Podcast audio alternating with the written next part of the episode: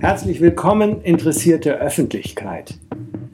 Wir begrüßen euch zum neuen Podcast Komm mir nicht zu nah zur Regelung von Nähe und Distanz in der Stadt, in der wir leben und in dem Theater, das wir machen. Oh, viel zu lang der Titel. Ach, jetzt komm, Robert. Dass ich es nicht lassen kann, bei offenem Fenster zu schlafen. Elektrische Bahnen rasen läutend durch meine Stube. Automobile gehen über mich hin. Eine Tür fällt zu. Irgendwo klirrt eine Scheibe herunter. Ich höre ihre großen Scherben lachen, die kleinen Splitter kichern. Dann plötzlich dumpfer, eingeschlossener Lärm von der anderen Seite, innen im Hause. Jemand steigt die Treppe. Kommt, kommt unaufhörlich, ist da, ist lange da geht vorbei. Und wieder die Straße. Ein Mädchen kreischt, ah, tais-toi, je ne veux plus.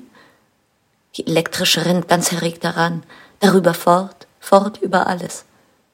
Jemand ruft, Leute laufen, überholen sich. Judith Rosmeier liest hier einen Auszug aus Die Aufzeichnungen des Malte Lauritz Brigge. Rilke hat damals seine Eindrücke in der Großstadt Paris verarbeitet. Ja, und so anders ist es heutzutage auch nicht.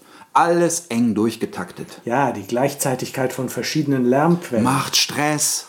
Macht Stress krank? Klar macht ja? Stress krank. Nicht immer, es gibt auch guten Stress. Macht das Leben in der Stadt krank? Das beschäftigt uns doch. Ja, das ist unsere Frage. Sein oder nicht sein, das ist hier die Frage. Komm, Robert. Aber wir müssen noch sagen, wer wir eigentlich sind, für die, die uns noch nicht kennen. Club Tipping Point, eine interdisziplinäre Künstlergruppe aus Berlin. Genau. Wir suchen nach dem Tipping Point, wo Stadtleben ins Ungesunde kippt. Wir existieren seit 2007. Wir sind Künstler, die auch in anderen Bereichen arbeiten. Sozialarbeit, Medizin, Architektur und Stadtentwicklung, Soziologie. Immer mehr Menschen leben in Städten. Die Zukunft spielt sich in den Städten ab. Aber das Leben in Berlin ist auch schwierig.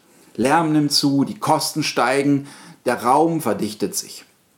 Direkt neben meinem Fenster streitet sich ein Ehepaar. In der U-Bahn kotzt mir ein Betrunkener auf die Füße, ein Fahrradfahrer fährt mich um, als ich aus der U-Bahn komme. Stress. Wir arbeiten hauptsächlich mit den Mitteln der darstellenden Kunst einen Text erfinden, auf die Bühne bringen. Nach der Maßgabe des guten alten Aristoteles. Genau, das Drama soll eine Handlung an einem Ort und in einer Zeit behandeln. Schauspieler und Zuschauer zusammen, sich begegnend nahe. Aber vielleicht begrenzt uns das etwas, Robert. Kein Zusammenkommen mehr in einem Raum, erinnerst du dich? Vielleicht brauchen wir mehr Distanz. Genau, Online-Distanz. Haha. Bietet uns das Netz neue Möglichkeiten? Ja, auf jeden Fall. Und deshalb wollen wir jetzt erstmal einen Podcast machen. Ein Podcast zum Thema Komme nicht zu nah, zur Regelung von Nähe und Distanz in der Stadt, in der wir leben und in dem Theater, das wir machen.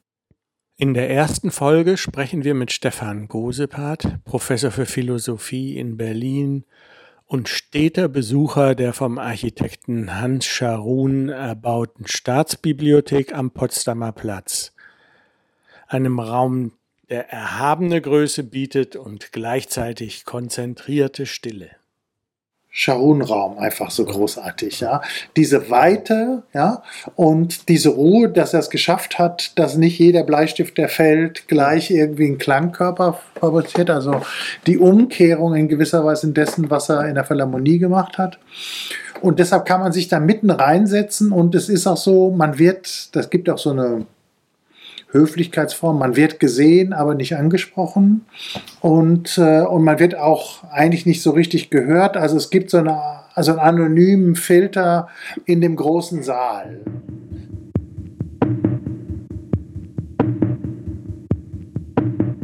Komm mir nicht zu nah. Zur Regelung von Nähe und Distanz in der Stadt, in der wir leben und in dem Theater, das wir machen. Von Club Tipping Point Berlin.